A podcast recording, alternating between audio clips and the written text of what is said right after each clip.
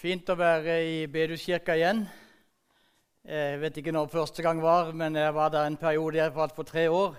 Hvor jeg var et par ganger i semester og var sammen med staben og sammen og holdt undervisning på kveldene. og Det var veldig ålreit. Begynnelsen til det var at jeg var med på en, menighet, nei, en mannsviken. Jeg vet ikke hvor lenge det er siden. Uh, det må være fem-seks år siden. Og da måtte jeg revidere alt, alle mine fordommer om jærbuer på forhånd. Jeg trodde at Når det gjaldt jærbuer, så hørte følelsene med til forsakelsen og ikke til troen. Og da opplevde jeg kanskje noe av det ærligste jeg har vært med på nesten hele mitt liv. Så mange eh, staute mannfolk fra hele Jæren som uh, gråt og lo og åpna seg for Gud og for hverandre. Det er noe av det som sitter der enda som en sterk, sterk erfaring som jeg fikk lov til å være med på. Og Da husker jeg Thomas tok meg til side og sa kan ikke du snakke mer om det du har snakket om nå. Kan du komme tilbake i tre år? Sånn eh, en gang i semester, og det har jeg altså gjort. Nå tenker jeg nå etterpå at jeg kunne ha Jeg har, faktisk skrevet en kommentar det kom jeg på etterpå, vi hadde korrespondert. Jeg har skrevet en kommentar, om Berg, jeg har en kommentar for 15-20 år siden om Bergpreken, så sånn sett har jeg det stoffet inne.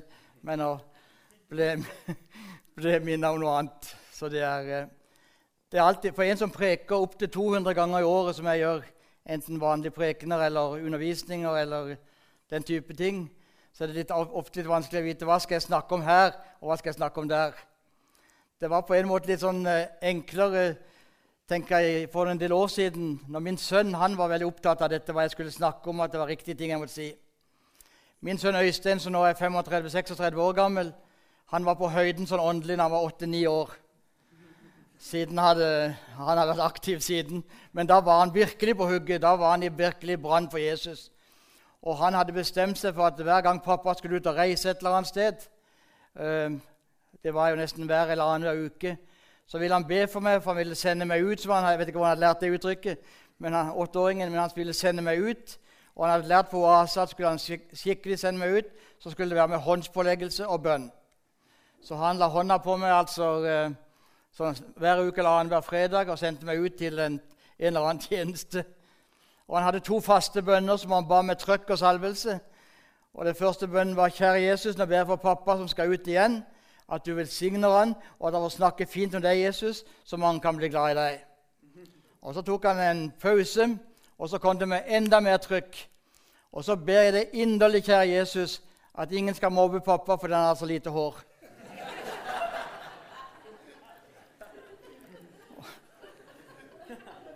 Og det var, det var, utrolig flott å komme tilbake og si Øystein, jeg tror jeg er blitt bønnhørt på begge punkter. Når jeg kom tilbake, jeg kom tilbake, jeg kom tilbake så kunne jeg si at jeg, jeg, tror det var mange som fikk uh, møte Jesus og bli glad, enda mer glad i Jesus eller møte ham for første gang. Og da, så langt jeg vet, Øystein, så var det ingen som mobber meg fordi jeg har sånn kabrioletsveis. Så det var flott. Spøk til side. Litt før jeg kommer til eh, det som er tema og teksten for, for, i dag, gi en liten sånn bakgrunn for hvorfor jeg har valgt akkurat dette her. Det vi, hvis en leser nyere norsk kirkehistorie Jeg skal ikke holde forelesning om det. Men hvis en leser litt norsk kirke, nyere norsk kirkehistorie, så er det et trekk som går igjen. Og det er at hvis en ting er blitt uh, eh, løfta opp, en bibelsk anliggende er blitt løfta opp, og fått en, eh, enten blitt motsagt eller fått veldig mye motstand, eller at det er blitt galt eller forskjøvet, så blir det taushet om det emnet i, i, mange mange år videre. Etter at eh, professor Hallesby holdt den berømte helvetespreken på 50-årene i Storsalen i Oslo, og talte vel egentlig ikke om noe annet, eh, noe annet enn det som Bibelen har sagt hele veien, at det finnes to utganger på livet og at det er viktig å unnfly, unnfly fortapelsen og vinne himmelen. Det, betyr, det, førte til i norsk kirkeliv at selv i bedehusland så var det altså ingen som vågde å snakke om de to utganger av livet i 20-30 år. Det ble taust på alle bedehus nesten. Fordi det var blitt for mye. Og så ble resultatet av det at da våger en ikke å si noen ting. Så På 70-tallet har vi et annet eksempel på akkurat det samme. På 70-tallet så begynte vi å oppdage, eller ble gjenoppdaga mer og mer at det er en åndskamp. Gud er ikke alene på arenaen, men han har en, motstander, har en motstander den onde djevelen. Og Gud, hvis Gud har engler, så har djevelen demoner. Og så får vi altså en, eh, en sak som heter demonsaken, som var på slutten av 70-tallet, som gjorde at til og med alle, mange karismatikere eller hvem det måtte være, ikke våget å tale om demoner og åndsutdrivelse og sin befrielse på årevis. Og så begynner jeg å nærme mitt tema nå. Så har vi på, på 80- og 90-tallet en trosbevegelse, trosmenigheter i Norge, som med et riktig, har et viktig anliggende for seg. Men så blir det litt ensidig, og så blir det litt for mye på den ene sida. Og så er det sånn at vi andre ikke våger å tale om tro. Fordi det gikk så feil, fordi det ble så galt. Og det blir en merkelapp på det som gjør at da kan ikke vi snakke om det. Og min dype overbevisning er det er mulig jeg får uvenner her nå, men det får heller stå til. Altså, Min dype overbevisning er at vi, er det noe jeg opplever som reiser altså i hele norsk kirkeliv i løpet av et år og besøker alle, alle mulige slags menigheter og hører alle slags åndelige dialekter For meg er det, er det dypt, dypt alvorlig å si at jeg tror vi trenger en ny trosbevegelse i Norge. Vi trenger en ny trosbevegelse i Norge. På bedehusene, i Frikirka, Misjonskirka, blant pinsevenner, hvor som helst. Vi trenger en ny trosbevegelse, en bevegelse som, som, handler i tro på Guds ord og Guds løfter, og får se at Gud står bak sine ord og sine løfter. Vi trenger også å komme ut av den komfortsona og bli troens folk i den forstand at vi hører Guds ord, handler på Guds ord og får se at Guds ord er levende, og at Jesus er levende og står bak sine ord og bak sine løfter. Jeg sier det verken for å flørte eller provosere, men jeg mener det på ramme alvor. og Det er derfor jeg også sabba og sa at jeg kan gjerne om det denne, denne, formiddagen. her. Jeg tror vi trenger en ny trosbevegelse i Norge. Og Jeg skal prøve å si litt om det, og prøve å si litt om det som en sånn oppmuntring, en utfordring til oss, om viktigheten av nettopp denne trosbevegelsen. Jeg har det sånn og har vært mitt, mitt, min bønn veldig enda mer i det siste hvor jeg ber sammen med eh, roper sammen med apostlene, sånn som det står i Lukas 17 fra vers, Lukas 17 fra vers 5. Apostlene sa til Herren, 'Gi oss større tro.'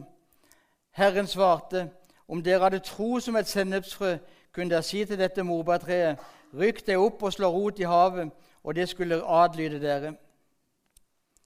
Det var Lukas 17. og for, Hvis dere husker det etterpå når dere kommer hjem, så var det Matteus 17 også der det står om samme saken. Da disiplene ble alene med Jesus, spurte de ham hvorfor kunne, de ikke, hvorfor kunne ikke vi drive den ut? Fordi dere har så lite tro, svarte han. Sannelig, jeg sier dere, om dere har tro som et sennepsfrø, kan dere si til dette fjellet, flytt deg herfra dit, og det, være, og det skal flytte seg, og ingenting skal være umulig for dere. Tro som flytter fjell. La meg begynne i det helt menneskelige, så kommer jeg inn på, kommer til dette her etter hvert. Det er godt i hverdagslivet at veldig mange ting går av seg sjøl. Med det mener jeg at det, ikke vi behøver oppfinne hver eneste ting, men at det, mange av tingene går på rutine fra dag til dag og måned til måned og år til år. Det er godt og helt nødvendig for at vi skal overleve. Men jeg vet ikke om dere har oppdaga at det er en del ting som også går av seg sjøl, men som ender helt galt.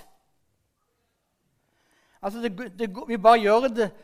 Vi bare fortsetter å gjøre det, men så ender det helt galt, og til og med kan, det ende katastrofalt. De fleste samlivsterapeuter, kristne eller ikke kristne samlivsterapeuter, vil si at ethvert ekte Det høres ikke veldig oppmuntrende ut, men enhver samlivsterapeut vil si at ethvert ekteskap er egentlig på vei mot skilsmisse. Hvis ikke vi arbeider for det, hvis ikke vi investerer i det, hvis ikke vi prioriterer det, hvis ikke vi gjør hverandre gode. Det går av seg sjøl at vi vokser fra hverandre. Det går av seg sjøl at vi finner andre partner. Det går av seg sjøl at vi osv. osv. osv. Det går bare av seg sjøl. Hvis vi ikke gjør noe aktivt og stopper det opp og investerer nettopp i det, nettopp i det ekteskapet, nettopp i fellesskapet, nettopp i dette å gjøre hverandre gode. Og nå snakker jeg ikke om at det kan være ting ganger det er helt nødvendig å gå fra hverandre. Det er ikke det som er poenget mitt. Men poenget mitt er at det naturlige går av seg sjøl hvis vi ikke gjør noe med det, hvis vi ikke investerer, hvis vi ikke arbeider med det for at det skal bli sånn og sånn. At det skal bli det det er tenkt å være.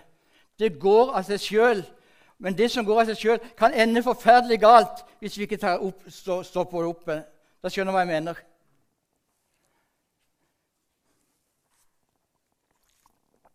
Jeg har aldri vært høy og mørk og slank. Det kan dere se. Jeg Jenta har aldri vært høy og mørk og slank. Men jeg, for en 10-12 eh, år siden så var jeg 10-15-20 kilo større enn det er nå. Altså, og er her, stort sett. Og da skjedde det plutselig at min kone, sykepleieren, og min sønn, fysioterapeuten, de lagde en allianse. De hadde nok hatt en del møter i den, de, i den gruppa der. Og En dag så kom fysioterapeuten og sykepleieren, min, sønn, min kone og min sønn, og så konfronterte de sin, eh, sin pappa og sin mann. Og så sier eh, Øystein Han har ført ordet på vegne av gruppa. Så sier Øystein, så sier Øystein, Øystein sønnen min, 'Pappa, med den sykdomshistorien du har, med det du har opplevd Hvis ikke du begynner å trene, og hvis ikke du begynner å slanke deg, og hvis ikke du begynner å gjøre det annerledes, så dauer du snart. Klarere kan det ikke sies. Da svarte Og det var ikke bare for å være morsom. Da svarte enfoldig Men folkens, dette er jo bare godt av seg sjøl. Det er bare blitt sånn. Jeg har ikke gjort noe for at det skulle bli sånn. Det ble bare sånn.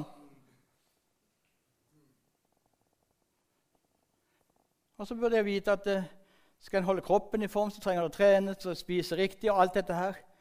Men hvis ikke vi er obs på, for det heller, sånn menneskelig tatt, så går det bare seg sjøl. Men så ender det galt. Jeg tenker, For å ta et par eksempler til, så skal jeg dette helt bevise nærme det som er temaet vårt.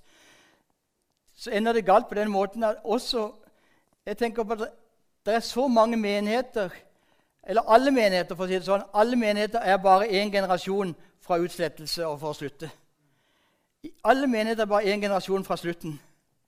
Og Derfor blir det jo kjempeviktig at det ikke det fortsetter å skje, og det er det som dere så flott gjør her. da.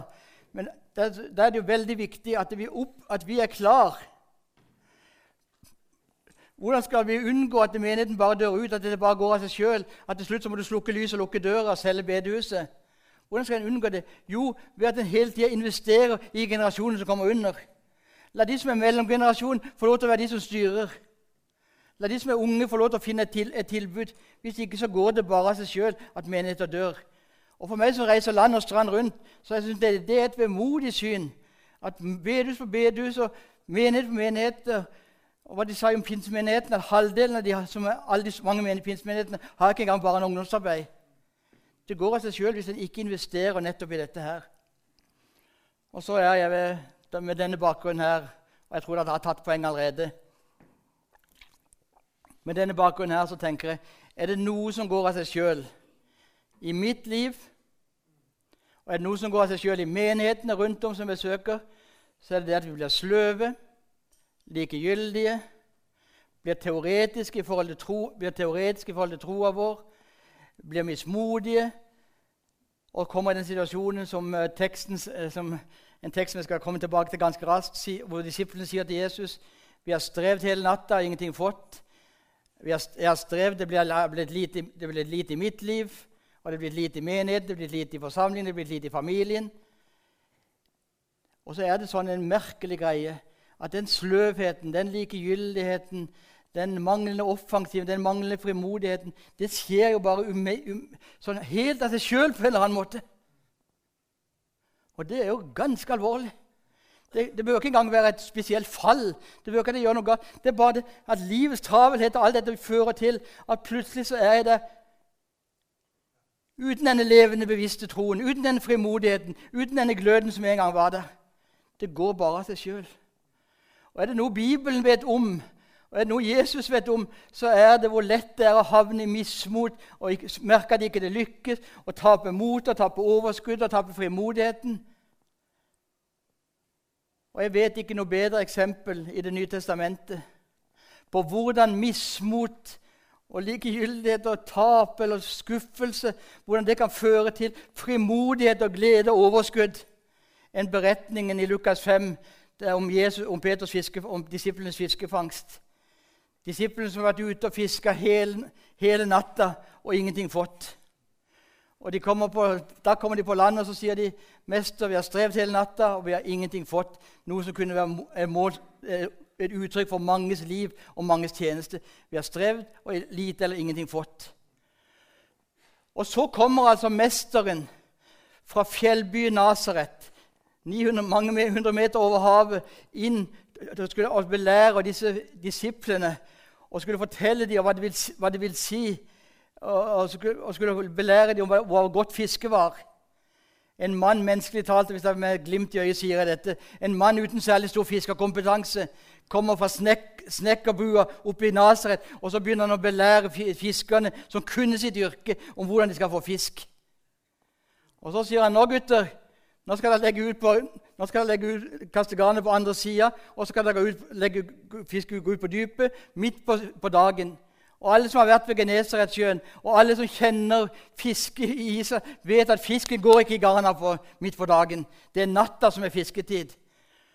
Og så sier, likevel så sier Jesus, 'Gjør dette her, gutter. Gjør dette, mine disipler.' Og så kommer det et nøkkelord som du må ta med deg på denne gudstjenesten. Så kommer det et nøkkelord. Hva svarer disiplene? På ditt ord, Herre. På ditt ord, Herre. På ditt ord, Herre. Og så legger de utpå. Og det tror jeg når de dro, dro utpå der på, i solsteiken midt på dagen på Genesaretsjøen, så var det ikke noe sånn 'Vi har hellig seier. Halleluja. Dette blir bra. Oi, oi, oi. Dette kommer til å bli fantastisk.' Jeg tror de var fulle av tvil og de var fulle av spørsmål og alt mulig her. Men hva er hemmeligheten? På ditt ord, Herre. Og spørsmålet mitt er hva er det å leve i tro?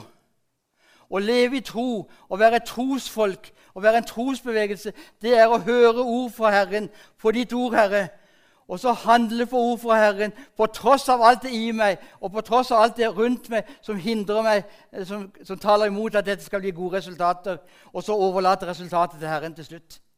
Det er trosbevegelsen. Det er de som hører ord fra Herren, handler på ord fra Herren på tross av alt det rundt som taler mot at dette skal lykkes, og som overlater resultatet til Herren. Og så får de altså, mot alle odds, mot alle menneskelige prognoser, så får de så mye fisk at garnet holder på å revne. Og Peter blir så flau og så ydmyk at han går ned på kne og sier, 'Vik fra meg, Jesus'.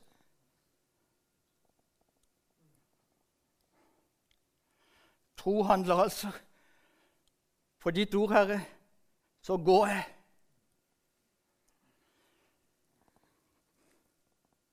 Er, vi har lest om mange troshelter.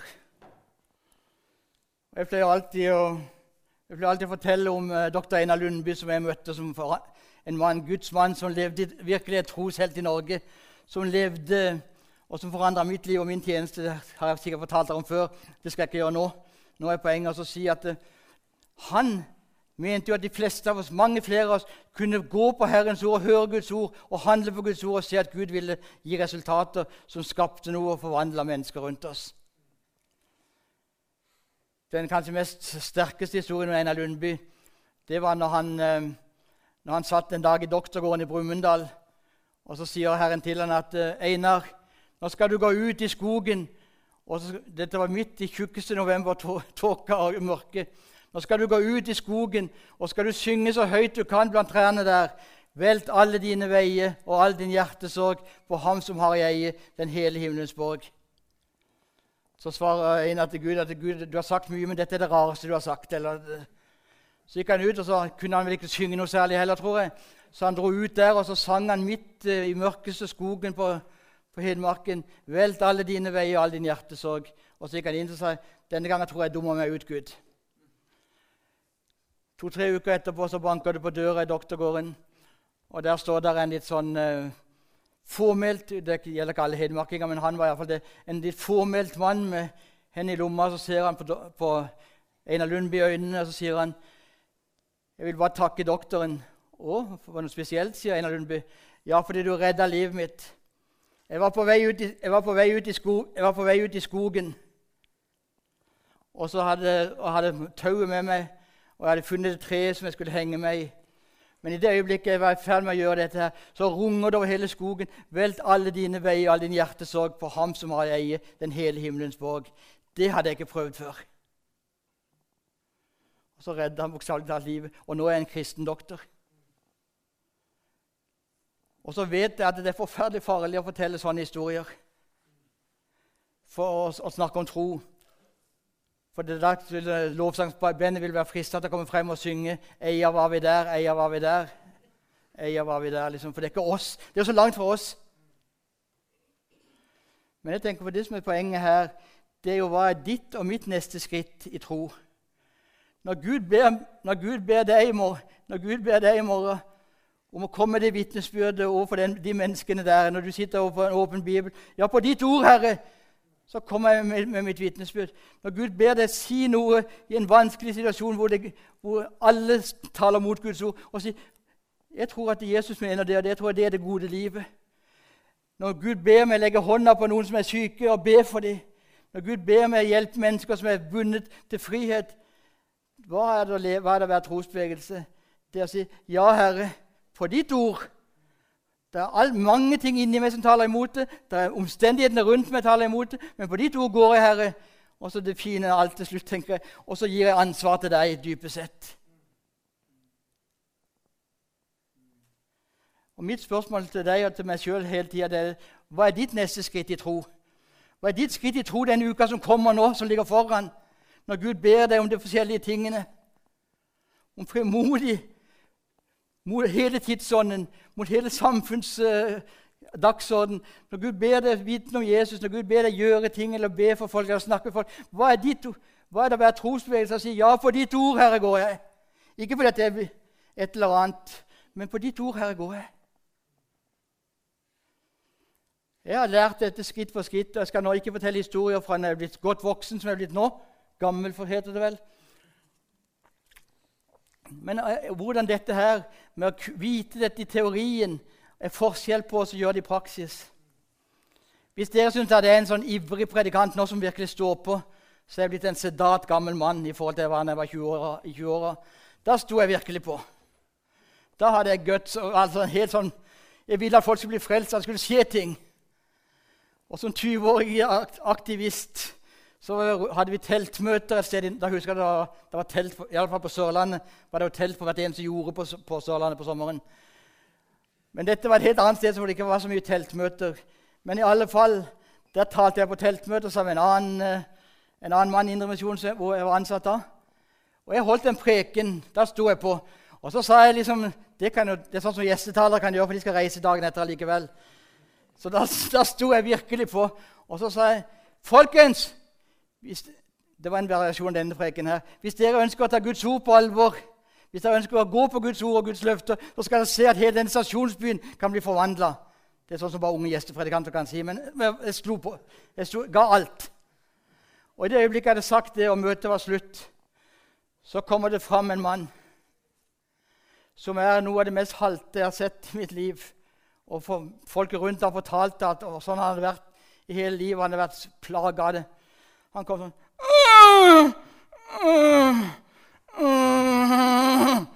Og så ser han mine øynene, og så sier han, 'Jørgensen, hvis det du har sagt i kveld, er sant, så er jeg for tro for, for, helbrede, for å bli helbreda.'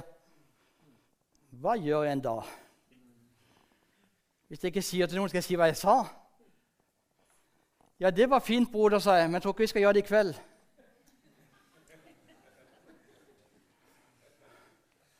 Men kanskje du, kanskje du, kunne, komme, kanskje du kunne komme tilbake i morgen og møte oss i campingvogna da klokka fem. Og vi to frimodige predikanter som vi kunne snakke alt om tro. Vi putt, ja, med halen mellom beina dro til apoteket for å kjøpe en flaske med olje som vi skulle salve denne mannen med. Og vi bare var engstelige. Og så plutselig så kommer mannen tilbake og hvis jeg fremdeles skjønner selvironien i dette her Han kom tilbake, og han var enda mer sikker på enn i går at han skulle bli frisk og bli helbreda. Og vet du hva jeg tenkte? Hadde han enda vært i tvil, så hadde det vært håp.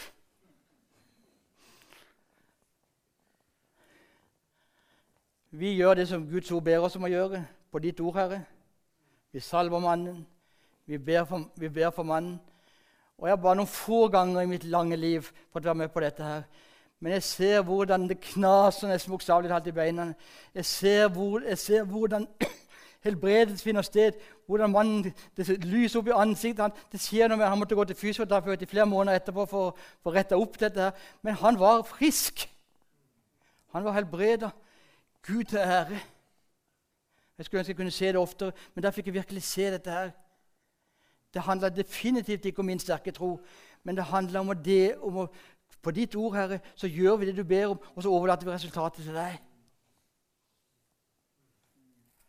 Og den mannen han, eh, han dansa på podiet resten av den teltmøteserien. Og det var ingen tradisjon for å danse på podiet på Indremisjonen på den tida. Så det var liksom helt uh, ute. Han dansa på podiet. Han, på han var så glad! For Gud hadde vist at Guds rik, som et tegn på at Guds rike er kommet nær og skal fullbyrdes når Jesus kommer igjen, så hadde dette, så dette underet skjedd. Den som har tro som et lite sennepsfrø, hva betyr det for noe? Det betyr at troen min er stor nok hvis troen kobler seg på Jesus. Det er det som er poenget. Det, det er ikke min tro som er poenget. Troen er stor nok. Når jeg har tro på at Jesus kan gjøre det, jeg går med denne saken, jeg går med denne personen, jeg går med denne utfordringen til Jesus, og så overlater jeg, så ser jeg at han er i stand og spør Gud, er ikke dette tiden for å virkelig gjøre det du tenker å gjøre i mitt liv og i, vår, i det, hans eller hennes liv? Det handler altså ikke om jeg pumper meg opp og nå er jeg trossterk, og nå har jeg, kjenner jeg virkelig jeg tror, Nå er det mye tro i lokalet. Nei, troen er stor nok når troen fører oss til Jesus og sier 'På ditt ord, Herre, så kommer jeg. På ditt ord så går jeg.' Og så overlater resultatet til deg. Så kan du være dum og meg ut. og så kan Men det er ingen som har sagt nei når jeg har kommet og spurt kan jeg få lov til å dele et ord. kan jeg få lov til å gjøre det og det. Når du kommer i hans sted i Jesu kjærlighet, så har du muligheten til å bringe himmelen og Guds rike nær. Jeg tror, folkens, på Bryne, selv denne flotte menigheten og forsamlingen her, og midt i bibelbeltet som dere er heldige og er i Jeg tror at Gud ønsker å flytte noen fjell. Jeg tror at Gud ønsker å flytte noen fjell i våre familier. Jeg tror at Gud ønsker å flytte noen fjell i, uh, i menigheten. Jeg tror at Gud ønsker å flytte noen fjell blant naboene våre, blant arbeidskameratene våre, der vi er. Gud ønsker å flytte fjell. Tro som flytter fjell, det er ikke den opphesa troen. Det er den troen som går til Jesus og sier 'På ditt ord, Herre, går jeg'. Og så skal jeg bruke de fem minuttene til å si noe som, er, uh, som jeg ikke er nødt til å si før jeg slutter. Jeg tror til min døyende dag at Gud er i stand fremdeles til å flytte fjell i menneskers liv, i menigheters liv, i relasjoner. Gud er i stand til å flytte fjell. Gud er i stand til å gjøre mirakler, Gud er i stand, og Gud ønsker å bruke oss som sier 'På ditt ord, Herre, går jeg'.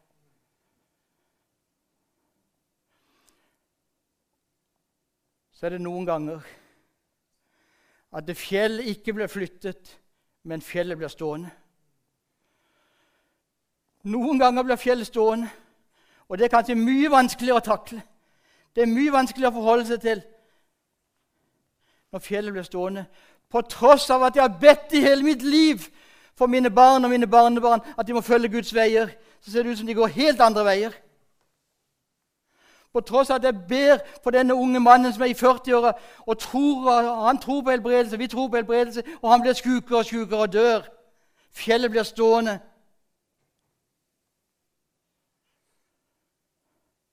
At, de ikke, at den konflikten ikke løses. At det forfallet bare fortsetter. Fjellet blir stående. Og Jeg tror ofte det er vanskeligere å tro på Gud når fjellet blir stående, enn når han flytter det. Og Da er jo hele poenget Gud, hva er det du vil? Og Jeg har ingen billige, billige svar, billige svar på dette, her, men jeg ser bare at noen ganger blir fjellet stående. Og jeg tenker, jeg finner trøst hos de gamle læstadianerne som sa Gjør som Dette kommer ikke fra Gud, men gjør som det kom fra Gud, så han kan få bruke det til noe godt. Det er et interessant, eh, dypt uh, sjelsørgespoeng i dette. her. Ta det som det kom fra Gud, sånn at Gud kan vende det til noe godt. For det vet jeg at det, det, som er viktigere enn om fjellet blir stående eller om fjellet flyttes, det er hva er fremgang for en kristen? Hva er modenhet for en kristen? Hva er det viktigste for en kristen? Hva er det å komme videre som en kristen dypest sett? Hva er fremgang for oss? Det er alt det som fører meg nærmere Jesus. Det er fremgang for en kristen. Alt det som fører meg nærmere Jesus og gjør meg likedan med hans sønns bilde, det er det som er, det er, det som er fremgangen i den troende menneskes liv. Jeg har sett mange helbredelser. Jeg har opplevd det på egen kropp. Men til å være karismatisk leder og AS-leder, som jeg har vært i alle disse årene, så har jeg vært altfor mye syk. Har altfor mange, alt for mange hjerteinfarkter, bare to, da, men hatt hjerteinfarkt og kreft og det meste. Depresjoner og det meste. Og de med sterk åndelige gaver har bedt for meg, og ingenting har skjedd. Fjellet blir stående. Men én ting kan jeg vitne om til slutt. Uten å gjøre meg til eller gjøre et eller annet. Jesus har aldri vært så nær. Jesus har aldri vært så umistelig. Jesus har aldri vært så dyrebar i mitt liv som han er nå. Det er mange fjell jeg må snakke om når jeg kommer til himmelen. og hvorfor ikke ble flytta. Det er altfor mange fjell synes jeg, i mitt liv som blir stående. Og så ser jeg også at jeg vil ønske og be for mitt liv og andres liv at noen fjell flere skal bli flytta. Og så tror jeg vi trenger jeg tror at halvdelen av denne forsamlingen jeg tror mange la meg si det sånn, jeg tror mange i forsamlingen trenger å si og trenger forbønn og nettopp hos et menneske i dag og vil si Herre, øk min tro på dine muligheter i mitt liv. Øk, tro, øk, min, øk min tro på dine muligheter i denne forsamlingen. Gjør det til en bekjennelse at du rett og slett går til forbønn og sier ja, jeg vil gjerne gjøre det. Jeg trenger det. Og så trenger jeg at noen trenger å få en visshet om at når fjellet ikke flyttes, at Gud er der, og at han er for meg, og at han elsker meg, og at det dypeste i livet det er å være elska av Han. Jeg tror Det var derfor jeg skulle komme og snakke om dette i dag. Og jeg tror at vi trenger, mange trenger for, da, for mange av oss er det ikke det riktig, for mange av oss har det gått helt av seg sjøl at vi er blitt sløve, at vi har mistet frimodigheten, at vi har, ikke lenger går på denne troen og lever i denne troen. Så la oss, la oss be. Kom, kom, og be. Kom og søk forbund. Gud, jeg trenger at du øker min tro på dine muligheter i mitt liv. Og så trenger noen av oss som er her, en avklaring. Nå har jeg bedt og bedt. Gud, hvis du vil at det fjellet skal bli stående i mitt liv, vil du da forvisse meg på dypet av mitt hjerte om at jeg elsker, at du er for meg, og at en gang så skal alt bli nytt. La oss be sammen. Herre Jesus, vi kommer til deg som uh, disiplene gjorde en dag, og sa, Herre, øk vår tro. Øk vår tro på dine muligheter i våre liv fordi du lever og fordi du er virksom med Din Hellige Ånd. Skap i oss, Herre, Herre Jesus Kristus, skap i oss en tro på at det nytter fordi du lever, og fordi det nytter oss sammen med deg. Og så ber jeg deg, Herre, om at, vi, at du viser oss hva det neste skrittet er denne uka, til å gå på ditt ord på tross av alt rundt oss som taler mot det. Og så ber jeg deg, Herre, om at den som sitter her og har bedt og grått og kjempa med deg om at fjellet skal flyttes, men ser at det står Herre, vil du på en særlig måte komme nær til de denne dagen her og gi deg en visshet om at du er der, at du styrker og du støtter, og at det viktigste i liv og død det er å kjenne deg. Lovet være du. Amen. Amen.